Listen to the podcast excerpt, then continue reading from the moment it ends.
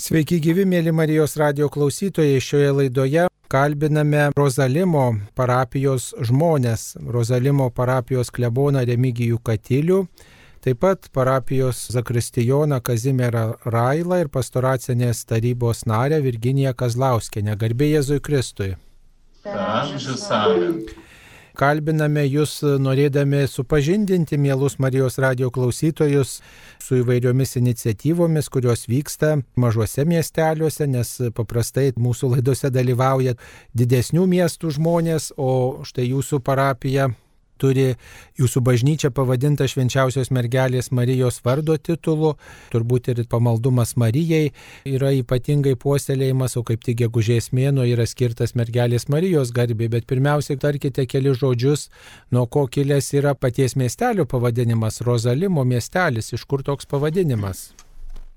Rozalimas yra kilęs iš vardo Rozalija. Ji buvo pagrindinis iniciatorius ir fundatoriai su vyru Rozalija, su Adomu bažnyčios statytojai. Koks jų likimas papasakokite tų miestelio vardą davusių žmonių, kokie atsiliepimai tarp žmonių sklando apie miestelio kūrėjus, bažnyčios fundatorius. Deja, apie jų likimą nieko konkretaus nežinau. Tik tai, kad jie čia netoli prie pat Rozalimo gyveno dvarelį padubisi ir Rozalija tankiai sapnuodavo pranašingus sapnus, kad reikia statyti bažnyčią naują, nes senoji bažnyčia irgi buvo mažesnė kapinėse. Po kurio laiko jau abejojo vyras atstatyti, nestatyti, bet kai jau žirgas suklupo, toj vietoj įmanoma, kur bažnyčia dabar stovi, vieną antrą kartą tada įtikėjo, kad reikia statyti, patikėjo žmoną ir tada davė leidimą kirsti medžius savo nuosavo miško. Ir greitai labai pastatė šitą bažnyčią, per tris metus, kaip pagal įrašus. O kodėl parapijos bažnyčiai buvo duota švenčiausios mergelės Marijos vardo titulas?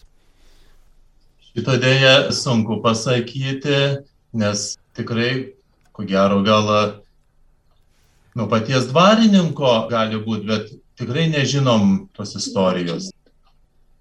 Mūsų netoli yra šventas akmuo Marijos pėda. Šitoje parapijoje netoli nuo miestelio 2 km galimai turėjo ir tas įtakos bažnyčios pavadinimui pagrindinėme bažnyčios altoriuje yra švenčiausiosios mergelės Marijos paveikslas ir tas paveikslas tokiais aptaisais. Ir menotyrininkai, ir pamaldumų tyrinėtojai sako, kad aptaisų buvimas ant paveikslo liudyja, kad žmonės, kurie meldėsi prie šio paveikslo, yra patyrę kažkokių malonių ir iš tokios didelės pagarbos vaizduojamam asmeniui, šiuo atveju mergeliai Marijai, yra užsakomi specialūs aptaisai tam, kad būtų pagerbtas tas paveikslas ir ypač tas asmuo, kurį tas paveikslas vaizduoja. Gal žinote, kokių stebuklų ar dovanų žmonės yra išmeldę prie švenčiausios mergelės Marijos paveikslo Rozalimo bažnyčioje? Marija turėjo būti ypatingai garbinama Rozalime, nes yra net apie altorių keliais apėjimas aplinkui altorių, aplink vartelius. Pamaldų metu melsdavosi į švenčiausią mergelę Mariją ir į Nazarietį ir po to keliais eidavo 2 km iki Marijos šventojo akmens, prašydama įvairiausių malonių. Neždavosi sergančius kūdikius ir dar antrą kartą melsdavosi Marijai būtent prie švento Marijos akmens. Yra pasakojimų, kad šitos maldos padėdavo pasveikti arba sustiprėti sergantiems tiek vaikams, tiek ir suaugusiems. Na, o kaip dabar melžiamas ir į paveikslo, ar tebe išlikęs pamaldumas į mergelę Mariją, žmonės prisimena, kad ne kažkur šoniniam altoriuje, o pagrindiniam bažnyčios altoriuje yra mergelės Marijos garbiai pašvestas paveikslas ir kad Marija toks ypatingas žmogus. Pamaldumas kaip ir visoje Lietuvoje, yra išlikęs tradicinis, žmonės meldžiasi, kurie dalyvauja šventose mišiuose ir piligrimai atvykę irgi pasimeldžia, o piligrimai eidami Kamino Lituano keliu užsuka ir į bažnytėlę, pasimelsti, kadangi susipažinę interneto puslapyje su informacija, jie atvyksta irgi pasimelsti, prašyti Marijos globos ir ne tik prie Marijos paveikslo centrinėme altoriuje, bet ir prie Jėzos Nazariečio, kuris taip pat yra šoninėme altoriuje. Parapijoje ar yra kokių maldos grupelių, ypatingų tradicijų melstis į mergelę Mariją? Šiuo metu neturime. Kokius atlaidus švenčiate Rozalimo bažnyčioje? Ar rengiate procesijas, ar vyksta švenčiausio sakramento adoracijos? Taip, atlaidai Rozalimo bažnyčioje būna dešimtinės, tai yra po devintinių sekmadienio dešimtinių atlaidai, prilyginam Jėzaus Nazariečiui atlaidus, o rugsėjo 12 yra tituliniai Marijos vardo atlaidai. Kaip tie atlaidai pažymimi, ar yra kokios ypatingos tradicijos? Dalyvauja žmonės šventose mišiuose, ypatingai dešimtinės atlaidų žmonės yra pamėgę, kadangi tikrai iš Jėzus Nazariečio yra patyrę daug įvairių malonių, stebuklų ir yra buvę pagyjimo. Mergelės Marijos vardo atlaidai, tai tituliniai atlaidai turėtų būti didžiausi atlaidai. Turėtų būti. Aišku, jie labai gražiai sutampa su Šilovoje švenčiamais šilinių atlaidais. Susirenka nemažai žmonių, bet palyginti tai, kas būdavo, kada priespaudos laikas buvo, dabar žymiai sumažėja. Labai norėtųsi paminėti, kad prieš titulinius atlaidus, prieš dešimtinio atlaidus yra tradicija, kad parapijos moteris pina vainikus ir šiai dienai puošia tiek Marijos altorių, tiek bažnytėlę gyvais žalumynais. Tai yra labai sena, turbūt Kazimieras žino, ši sena tradicija.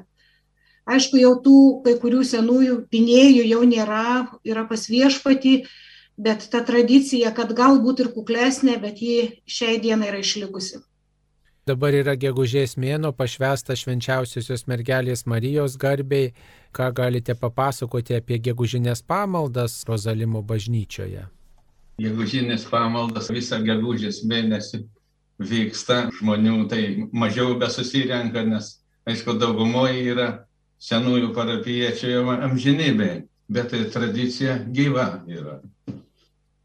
Ar jaunesni žmonės taip pat susirenka gėdoti švenčiausios mergelės Marijos litaniją? Seniau būdavo ir kaimuose, kad susirinkdavo žmonės į taip vadinamas mojevinės.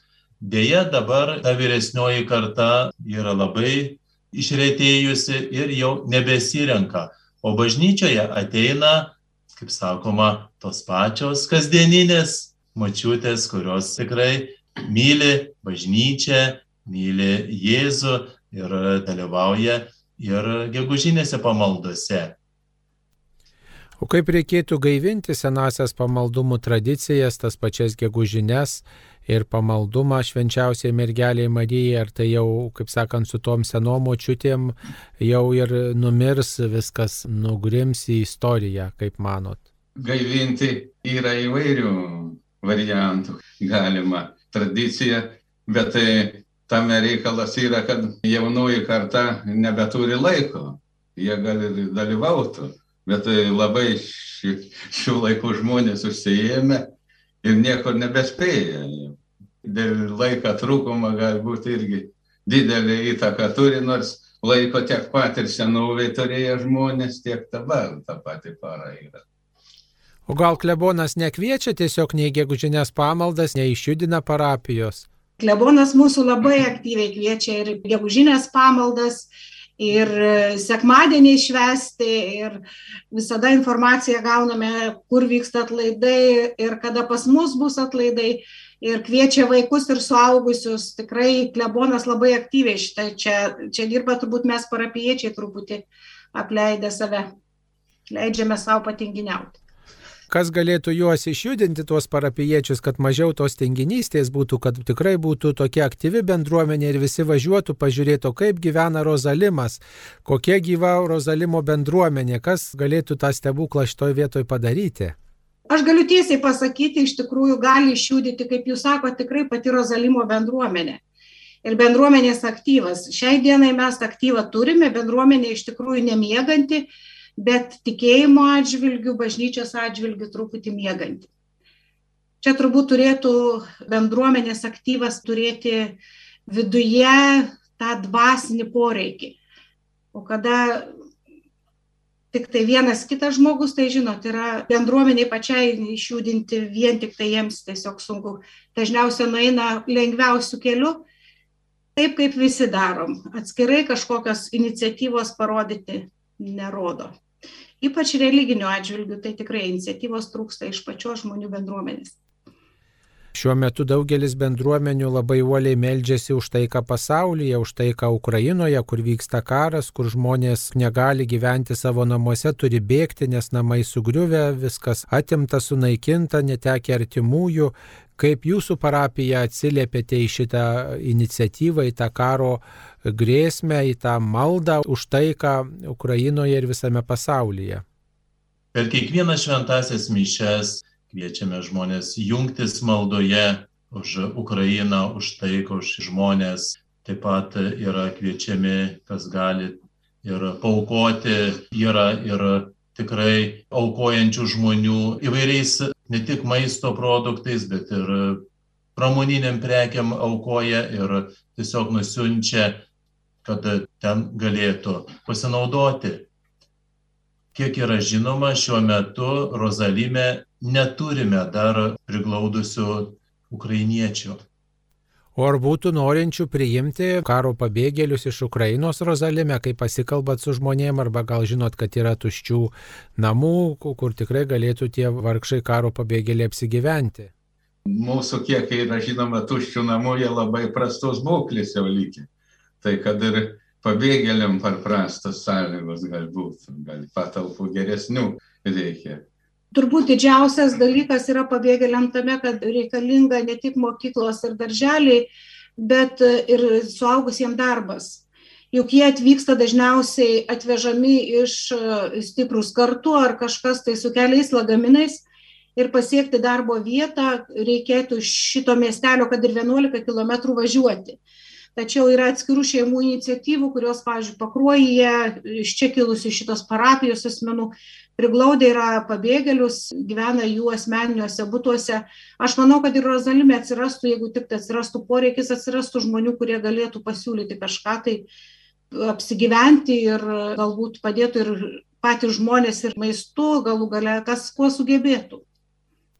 Gražu, kad svarstote apie tokią galimybę ir taip pat yra galimybė šiuo laiku visoje bažnyčioje dalyvauti sinodo įvykiuose, pasisakyti įvairiom temom ir tuos pasisakymus nusiųsti į kuriją, kurie siūs į viskupų konferenciją, viskupų konferencija apibendrins ir pateiks Vatikanui, kad popiežius su savo bendradarbiais galėtų išvelgti, kur čia viešpats kalba per žmonės, per jų situacijas, kaip Rozalimas įsijungia į sinodo veiklą, ar tikrai kažkokiuose susitikimuose pasisako žmonės apie bažnyčią, apie bendruomeniškumą.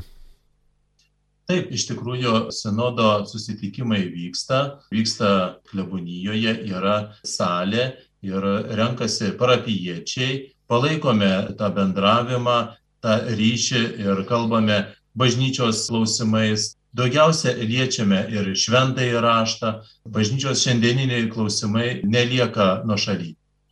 Gal galėtumėt kokiomis nors išvalgomis pasidalinti su Marijos radio klausytojais, gal kažką originalaus, naujo, įdomaus esate išgirdę iš žmonių?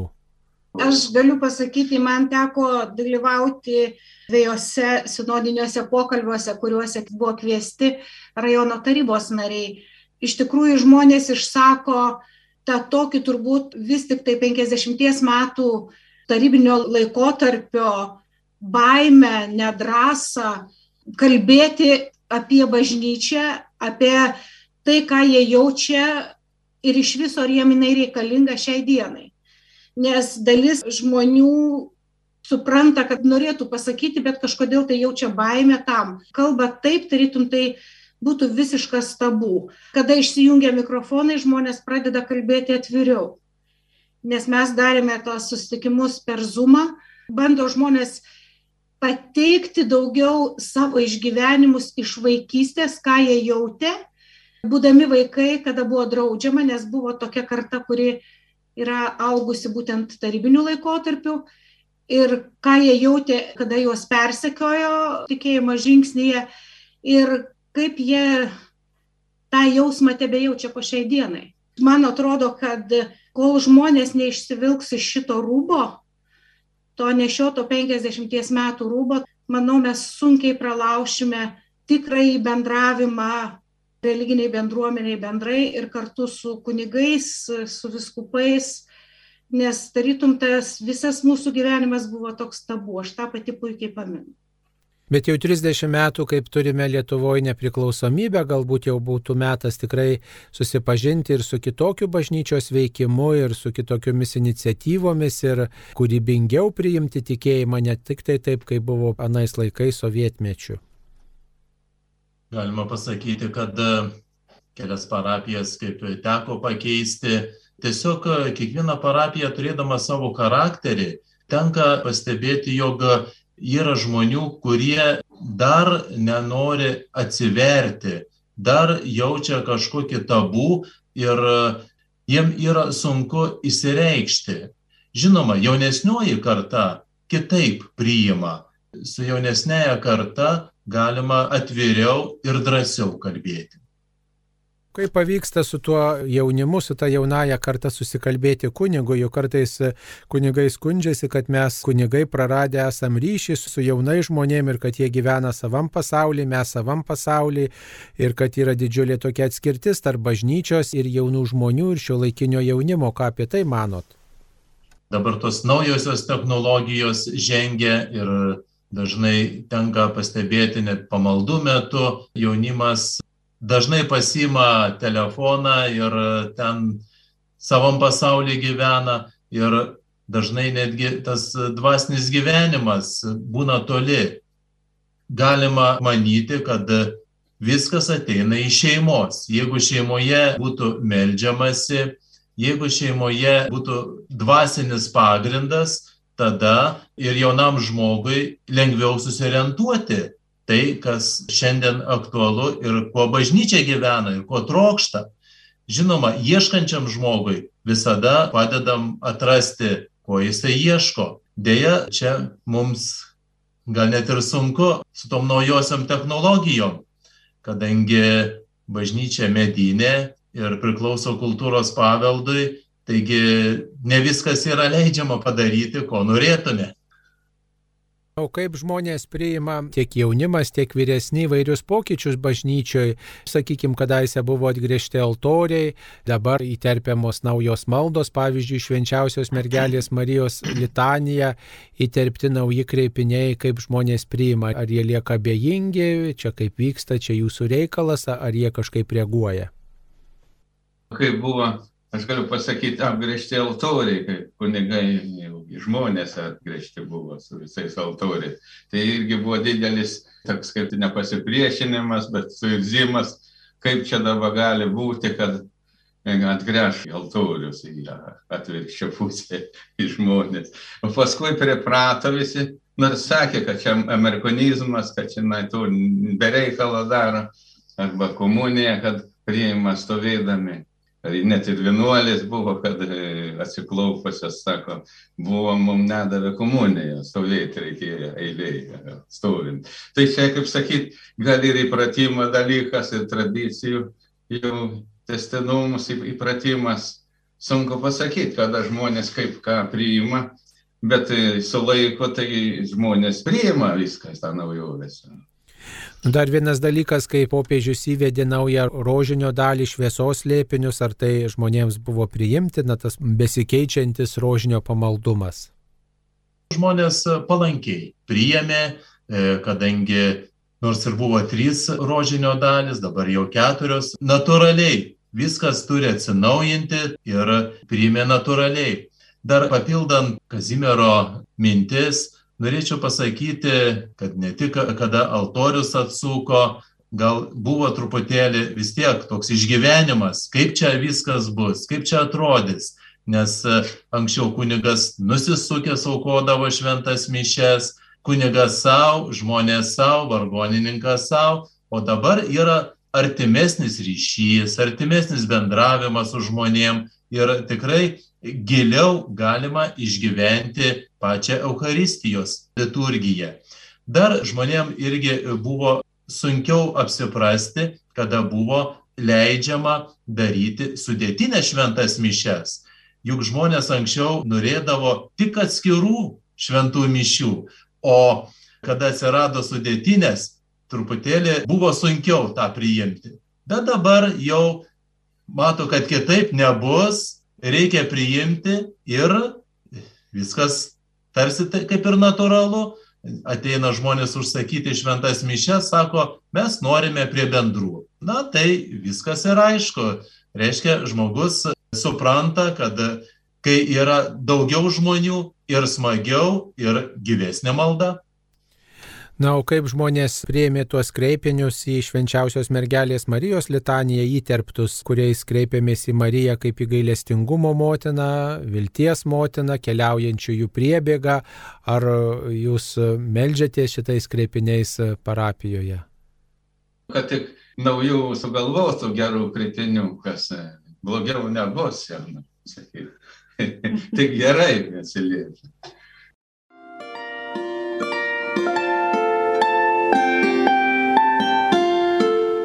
Jūs girdite Marijos radiją.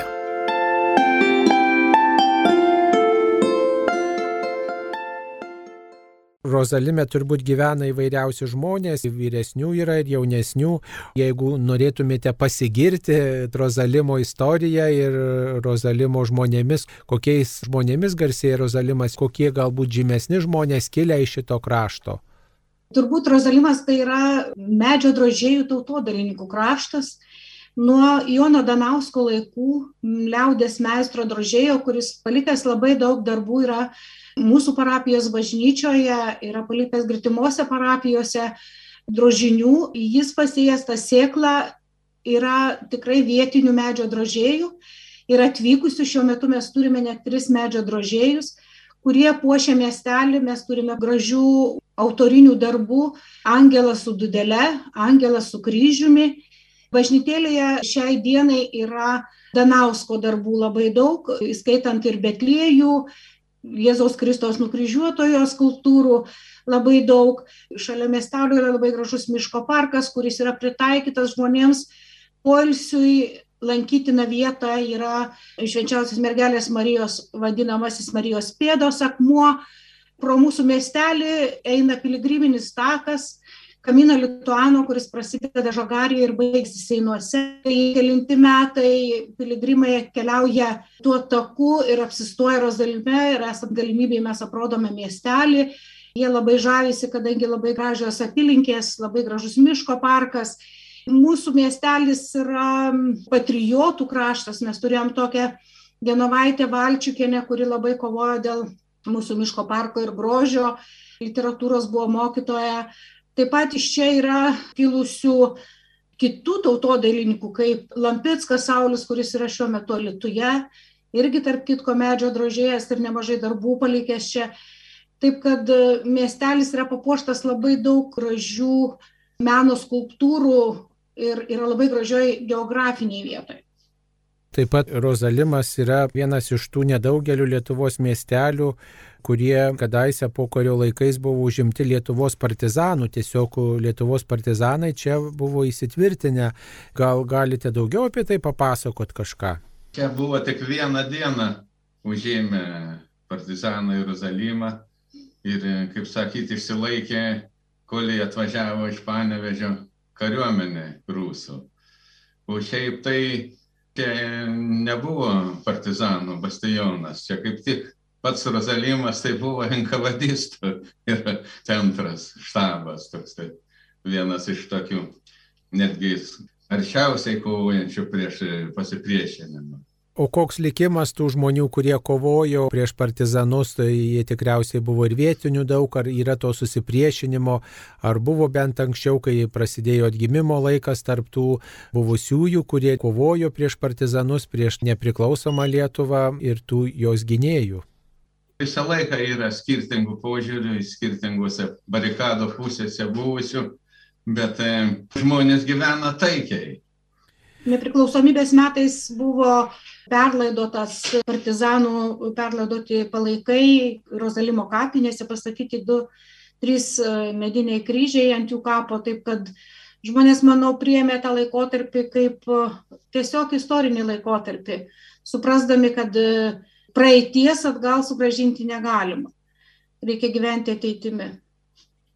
Taip, Rozalimas taip pat turi ir savo herbą, kaip tas miestelis, senų tradicijų miestelis, gal galėtumėte apie tą herbą papasakot, kas ten jame įamžinta ir kaip tai atspindi miestelio istoriją.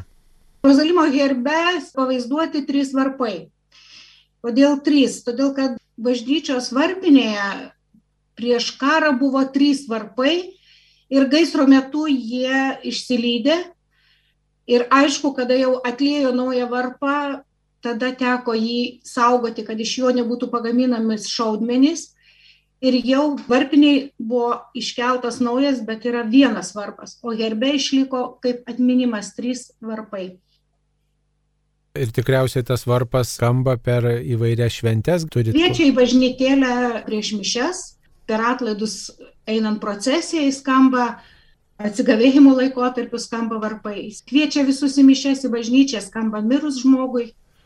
Yra dar ta tradicija, turbūt, kai miršta žmogus, skambinti varpais. Taip, taip.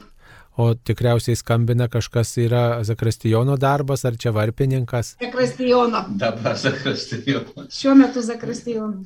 Bet turbūt reikia mokėti skambinti varpais, ne visi tą gali padaryti mūsų yra vienas, kaip sakė dabar varpas, tai nėra sudėtingas skambinimas. Kai buvo trys varpai, kur herbė yra, tai ten jau reikėjo sugebėti. Daugiau sugebėjimų. O kokių dar sugebėjimų reikia Zakristijonui? Turbūt jau daug metų dirbate, kokiomis savybėmis turi pasižymėti Zakristijonas? Svarbiausia, žvakės užgesinti visas. Kad net turbūt svarbiausia, svarbiausia klebono klausyti. Reikia visko. Bet yra buvę atveju, kai paliktos netgi žvakės sudegė ir seniau, ne taip seniais laikais. Ir stebuklingai užgesę mūsų bažnyčia. Taip, nes bažnyčia medinė turbūt ypatingai čia reikia tokio stropumo. O turbūt ir su smilkalais reikia labai atsargiai elgtis. Naudoja liturgijoje klebonas smilkalus? Taip, naudojame naudoja, tai tada reikia irgi turbūt labai stropiai elgtis su smilkytavu po visų apieigų, kad tiesiog neliktų žaryjų. Iš senųjų smilkytojų išmokam, tai ir naujų turim dar netgi, jaunesnių smilkytojų. Kokių dar galbūt senų įdomių dalykų turi Rozalimo bažnyčia? Velykų rytą turime du senoviškus būgnus, būgnus mušam. Į terkšlas turime ir Velykų rytą, tai prieš varpų skambėjimą. Ir, na, aišku, jie yra seni, tik reikia odos gauti, va. atnaujinti. Bet dabar, dabar jau, jau nebe, nebemušate tais būgnais, jeigu oda jau sena. Mušame, mušame. A, muša. Tai, o kas muša dabar tais būgnais? O, katrie anksčiausiai ateina Velykų rytą, tai jie muša visi. Tai gerai, kad moka mušti. Tai ekspromptų ir mokinasi muša. Va, bet turbūt jauniems žmonėms tas įdomiausia yra. Tai, taip, aišku, savai ir vaikams. Seniau bažnyčiose būdavo toks paprotys renkti Kristaus kapą, garbinimo altorių arba Kristaus kalėjimą, kaip žmonės sakydavo, ir tai būdavo net iki gegužės mėnesio išlikdavo tie Velykų ženklai, žmonės ir prieš Velykų šventės būdėdavo prie Kristaus kapo ir mėgdavo labai aplankyti, pavyzdžiui, didįjį šeštadienį Kristaus kapą. Kaip yra jūsų bažnyčioje? Ar... Ar ruošiate dar tokius dalykus? Yra dar tradicija gyva, aišku, jinai mažesnė per naktį, nebebūdi niekas iki Velykų ryto, bet dabar visai neseniai dar aš atsimindavau, kada atgimimo laiku organizavom visą vėliavą iš naujo, nes buvo jau irgi pabaigoje prieš atgimimą pabaigų tarybinių laikų jau sumažėjęs tas žmonių. O dar Zakristijono darbas turbūt yra irgi organizuoti procesijas per atlaidus Velykų rytą. Ar lengva surasti tuos žmonės, kurie būtų procesijos dalyviai? Nesunku surasti, svarbu, kad žmonių yra. Bet e, kaip tenka matyti parapijose, kai kada žmonės atsisako dalyvauti procesijoje, sako, aš ne iš tos parapijos, ką aš čia nešiu, aš nemoku, nei vyrai nori nešti vėliavų, nei moteris kaspinų nori nešti, nei, nei apskritai kažkaip aktyviau įsijungti, kaip yra jūsų parapijoje. Labai retai kas atsisako, tai užtenka žmonių. Bet paraginti reikia, ne? Tai pakviesti reikia pakviesti, kiti patys pasisiūlo netgi. Tenka pastebėti, kad iš tikrųjų procesijos dalyviai daug maž yra nusistovėję. Jie ima tos pačius procesijų atributus, vėliavas ar valdakimas ar liktarnos, yra tie patys žmonės. Sakykime, jeigu jau negali, tai tada jau reikia ieškoti, kas galėtų paimti. Bet kai tie patys žmonės gali, jie žino, kada reikia, patys susitarė, anksčiau ateina, pasiruošia ir jau zakristijonai būna lengviau visą procesiją organizuoti. Dar turbūt reikia keletą žodžių tarti apie tą pastoracinę tarybą. Turbūt kai kuriuose parapijose tos tarybos yra gana tokios formalios. Čia va, vyskupas liepia, tik lebona sušaukia žmonės, kažkas čia kokį kartą susirenka, o kaip yra jūsų parapijoje?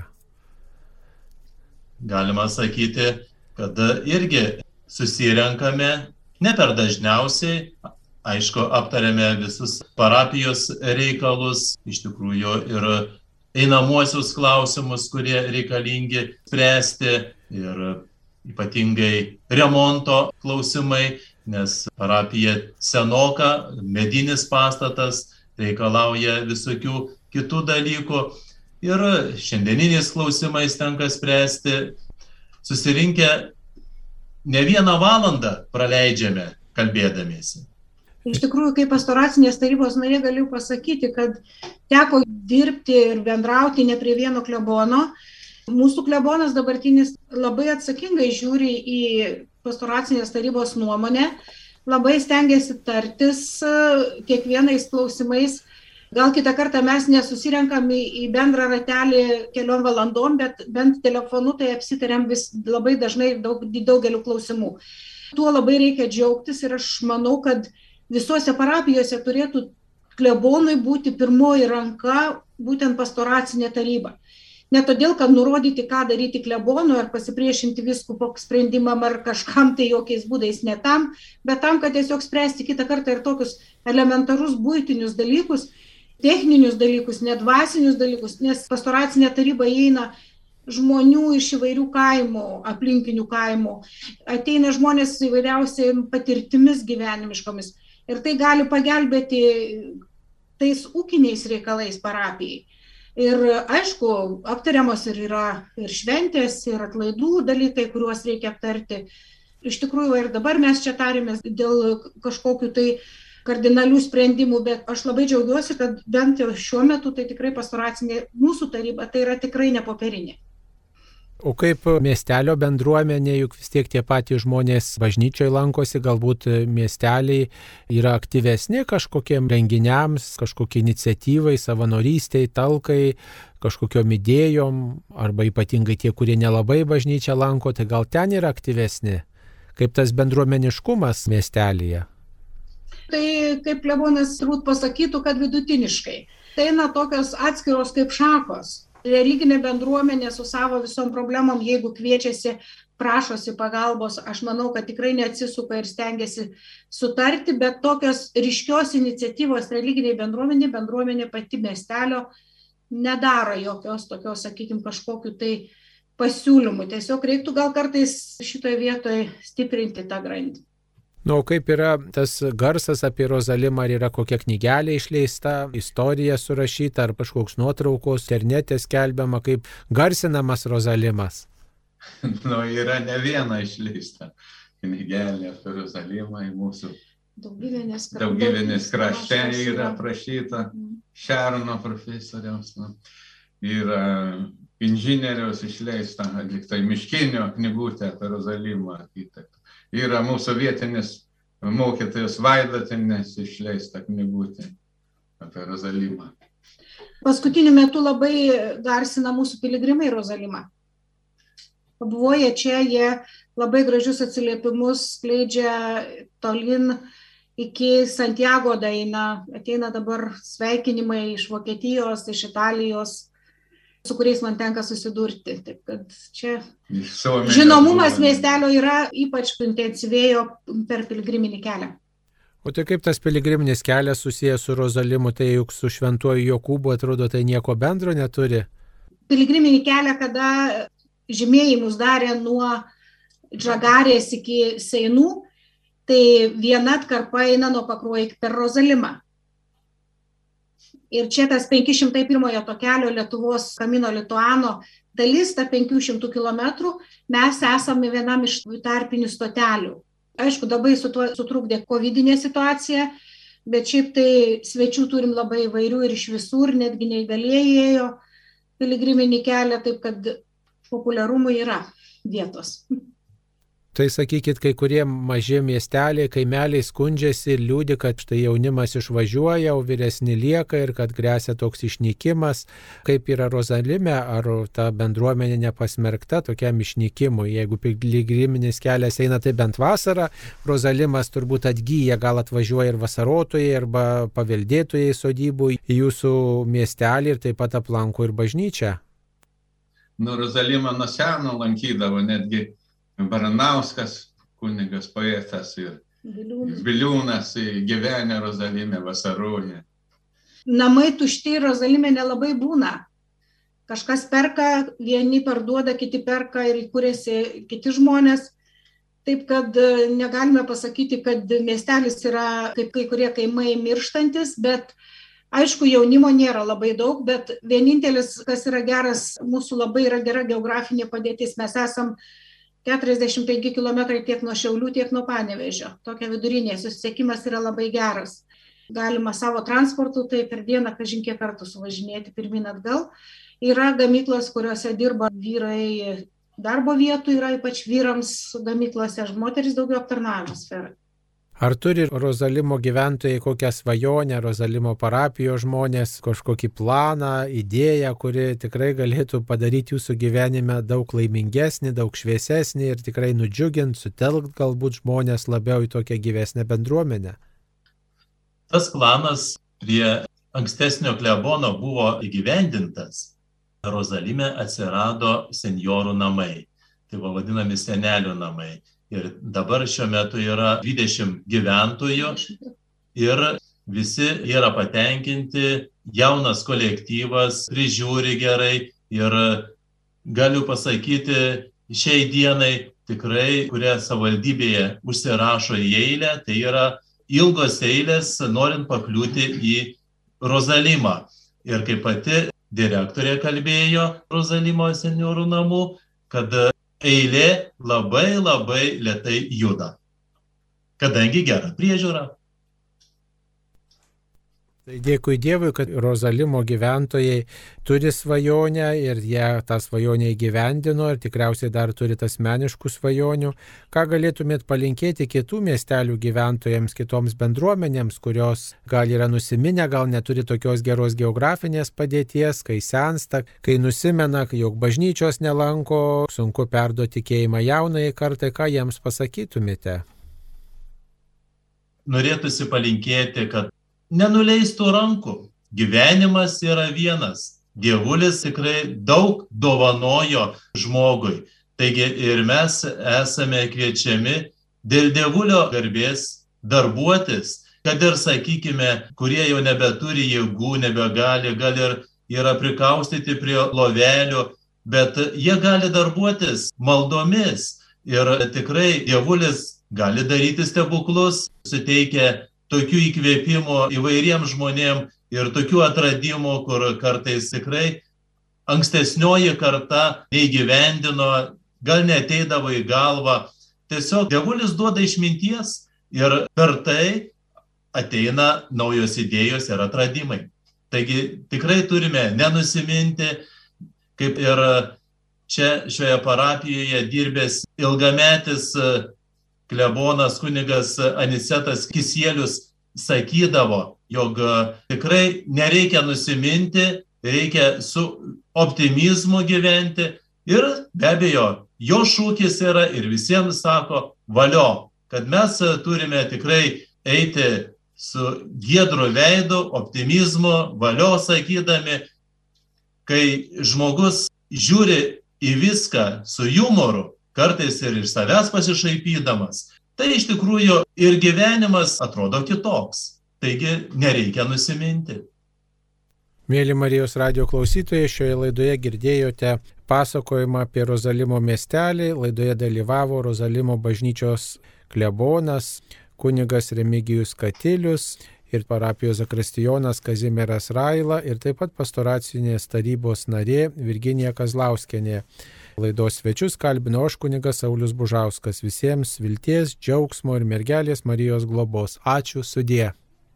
Su Dievu.